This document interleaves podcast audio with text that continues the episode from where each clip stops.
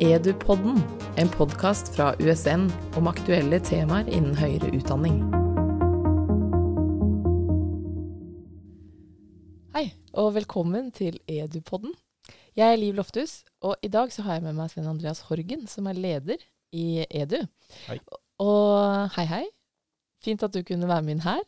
Det vi skal snakke om i dag, er eh, Det er pod om pod, egentlig. Eller pod om lydfiler og, og podkast. Så det jeg tenkte Nå har jo vi ganske nylig oppstarta denne Edu-podkasten. Edupodden. Um, så hva tenker du at det er eh, Hvorfor eh, trenger vi Edu en sånn her plattform? Eh, Jeg tenker at Edu-podden er en veldig fin mulighet for å fremme gode eksempler på alt som skjer av god undervisning i USN. Det er en stor variasjon. Det er mange gode refleksjoner fra lærere som har, eh, har prøvd ulike opplegg. USN eh, får òg en stemme i en sånn nasjonal stor dugnad, der vi bidrar med å dokumentere det som blir gjort, og bidrar i den store samtalen om læring. Så vi ser jo på det som et ledd i å fremme delingskultur. Og podden vil handle om alt fra de små, nære ting som underviseren står i til daglig, eh, til store spørsmål om læring, vurdering og, eh, og digitalisering i en, Mm. i Og- en høyere utdanningssetting, rett og slett. Ja, ikke sant. Så det her er jo det vi har lyst til å snakke med undervisere og andre ansatte på, på USN om.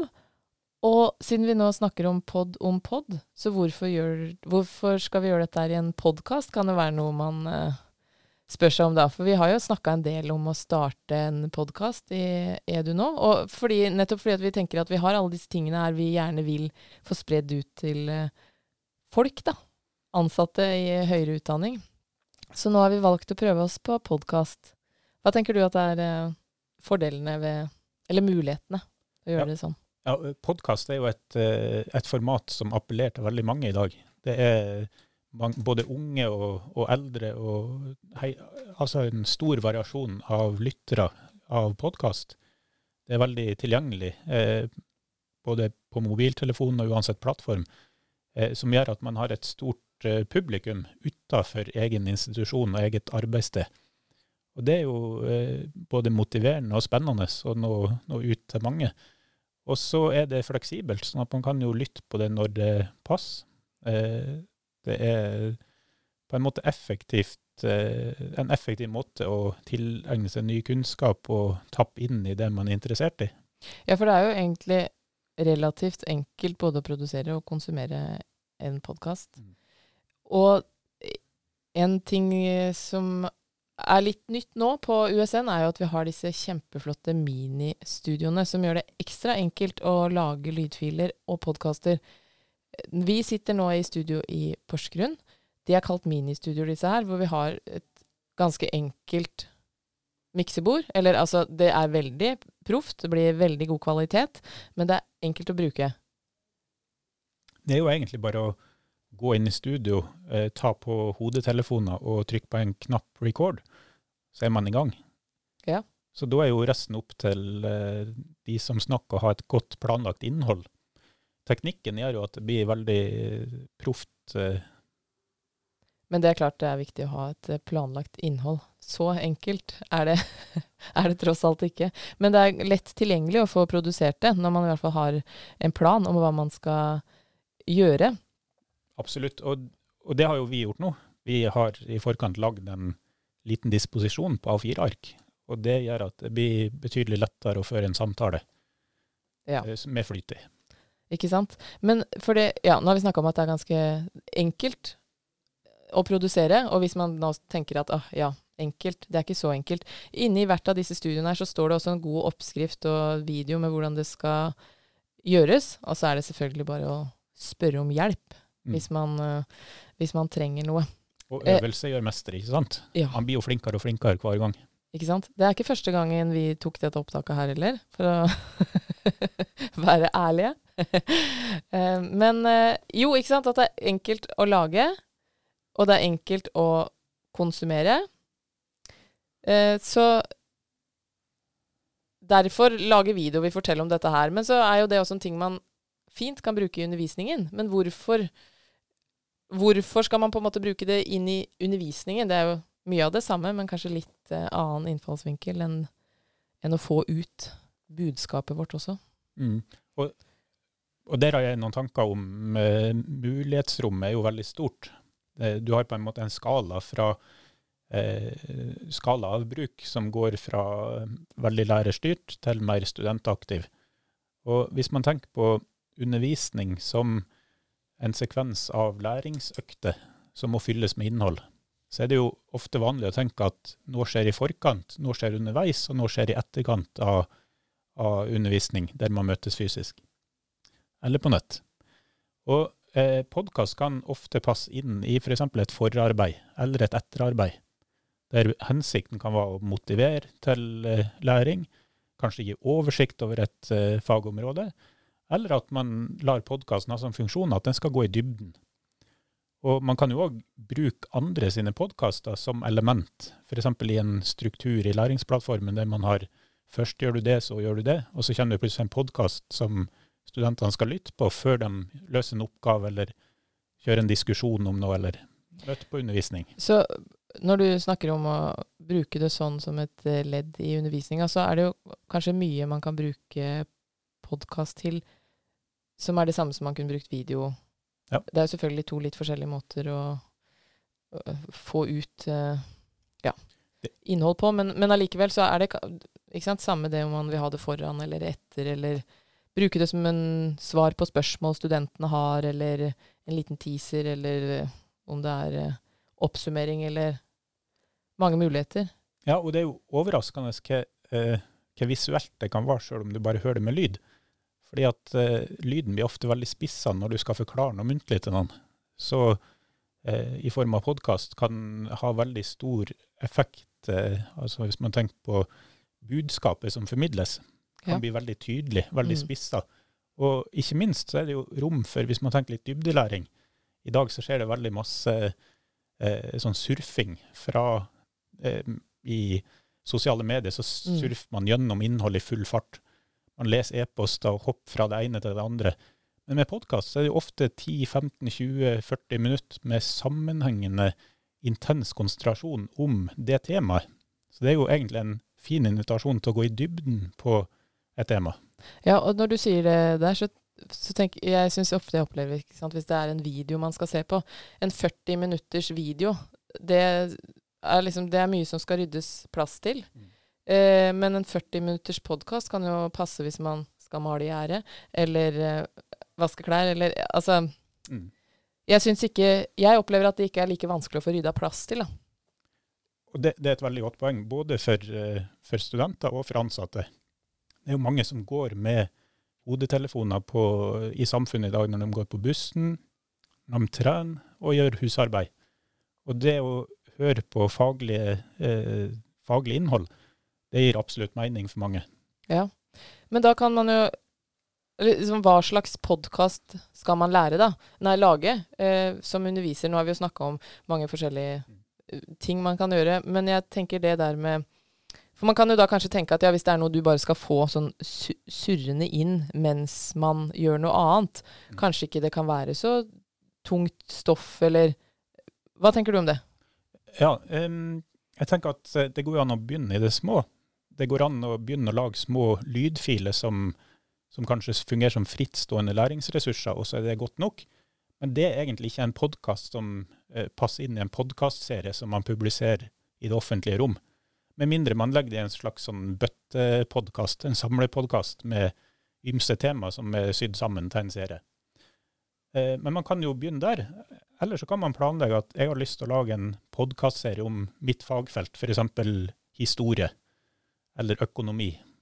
Eh, og så, så planlegger man serie med episode 1, 2, 3 osv.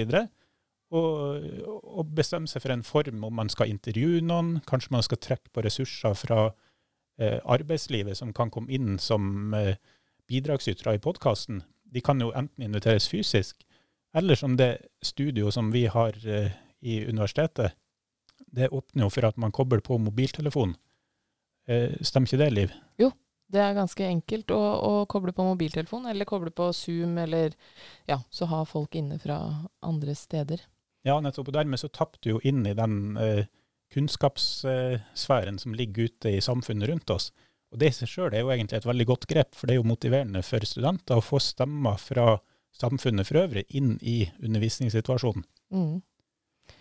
Så, men det med hvilke hva slags type podkast man skal lage. ikke sant? Sånn som du sier nå, at man kan få inn folk fra andre steder. Og det er jo altså, Til å være et sånn Kanskje et slags begrensa format, så er det jo enormt med muligheter mm. innenfor det, det formatet, tenker jeg, sånn som du sier, ikke sant? med intervjuer, eller om det er en samtale aleine, og hvor lang det skal være. Det er jo også helt, helt avhengig av hva du skal snakke om. Mm. Eh, jeg leste et sted det med ja, da var det sånn spørsmål hvilke podkast man skal lage, og det er den man ville hørt på sjøl.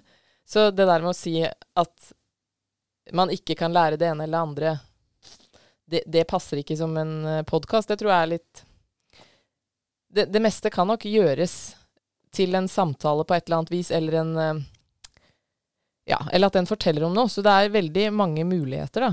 Ja, og, og det får vi tenke på. Um den læringseffekten du får av å lage en podkast altså det, det er jo en prosess, det å lage en podkast. Det er ikke bare noe du går inn og gjør på sparket. Man kan det òg, men de fleste har en plan bak. Og det å lage den planen er lærerikt. Eh, kjenner du til noen eksempler der studenter produserer podkast?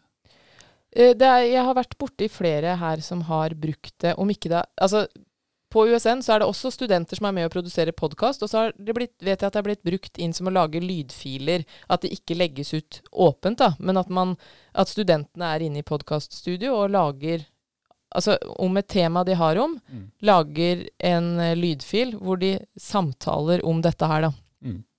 Og det, det som også er opplever jeg når vi er inne i disse studioene her, ta på oss høretelefoner, om det skal ut til liksom store, det store publikum eller ikke, så er det en litt sånn skjerpa situasjon. Det der at det er veldig høy kvalitet på disse, dette utstyret. Mm.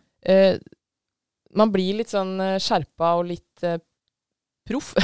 og det har jeg opplevd også når det har vært studenter her inne, at det, det blir en eh, god prat. Og selvfølgelig det du sier, Svein Andreas, at man må planlegge i forkant. Og det er jo enormt mye læring i den planleggingsfasen. Mm. Så det er jo ikke bare å sette seg inn og, og sette i gang.